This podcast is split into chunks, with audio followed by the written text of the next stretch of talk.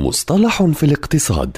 في كل حلقة يطرح المدون وصانع المحتوى الاقتصادي مجدي النوري مصطلحا اقتصاديا محددا بلغة سهلة وبسيطة.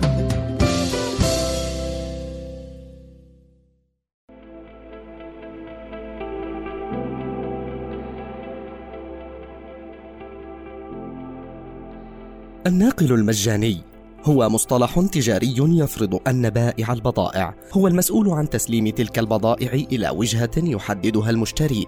عند استخدامها في التجارة تعني كلمة مجاني أن البائع ملزم بتسليم البضائع إلى مكان محدد لنقلها إلى شركة النقل.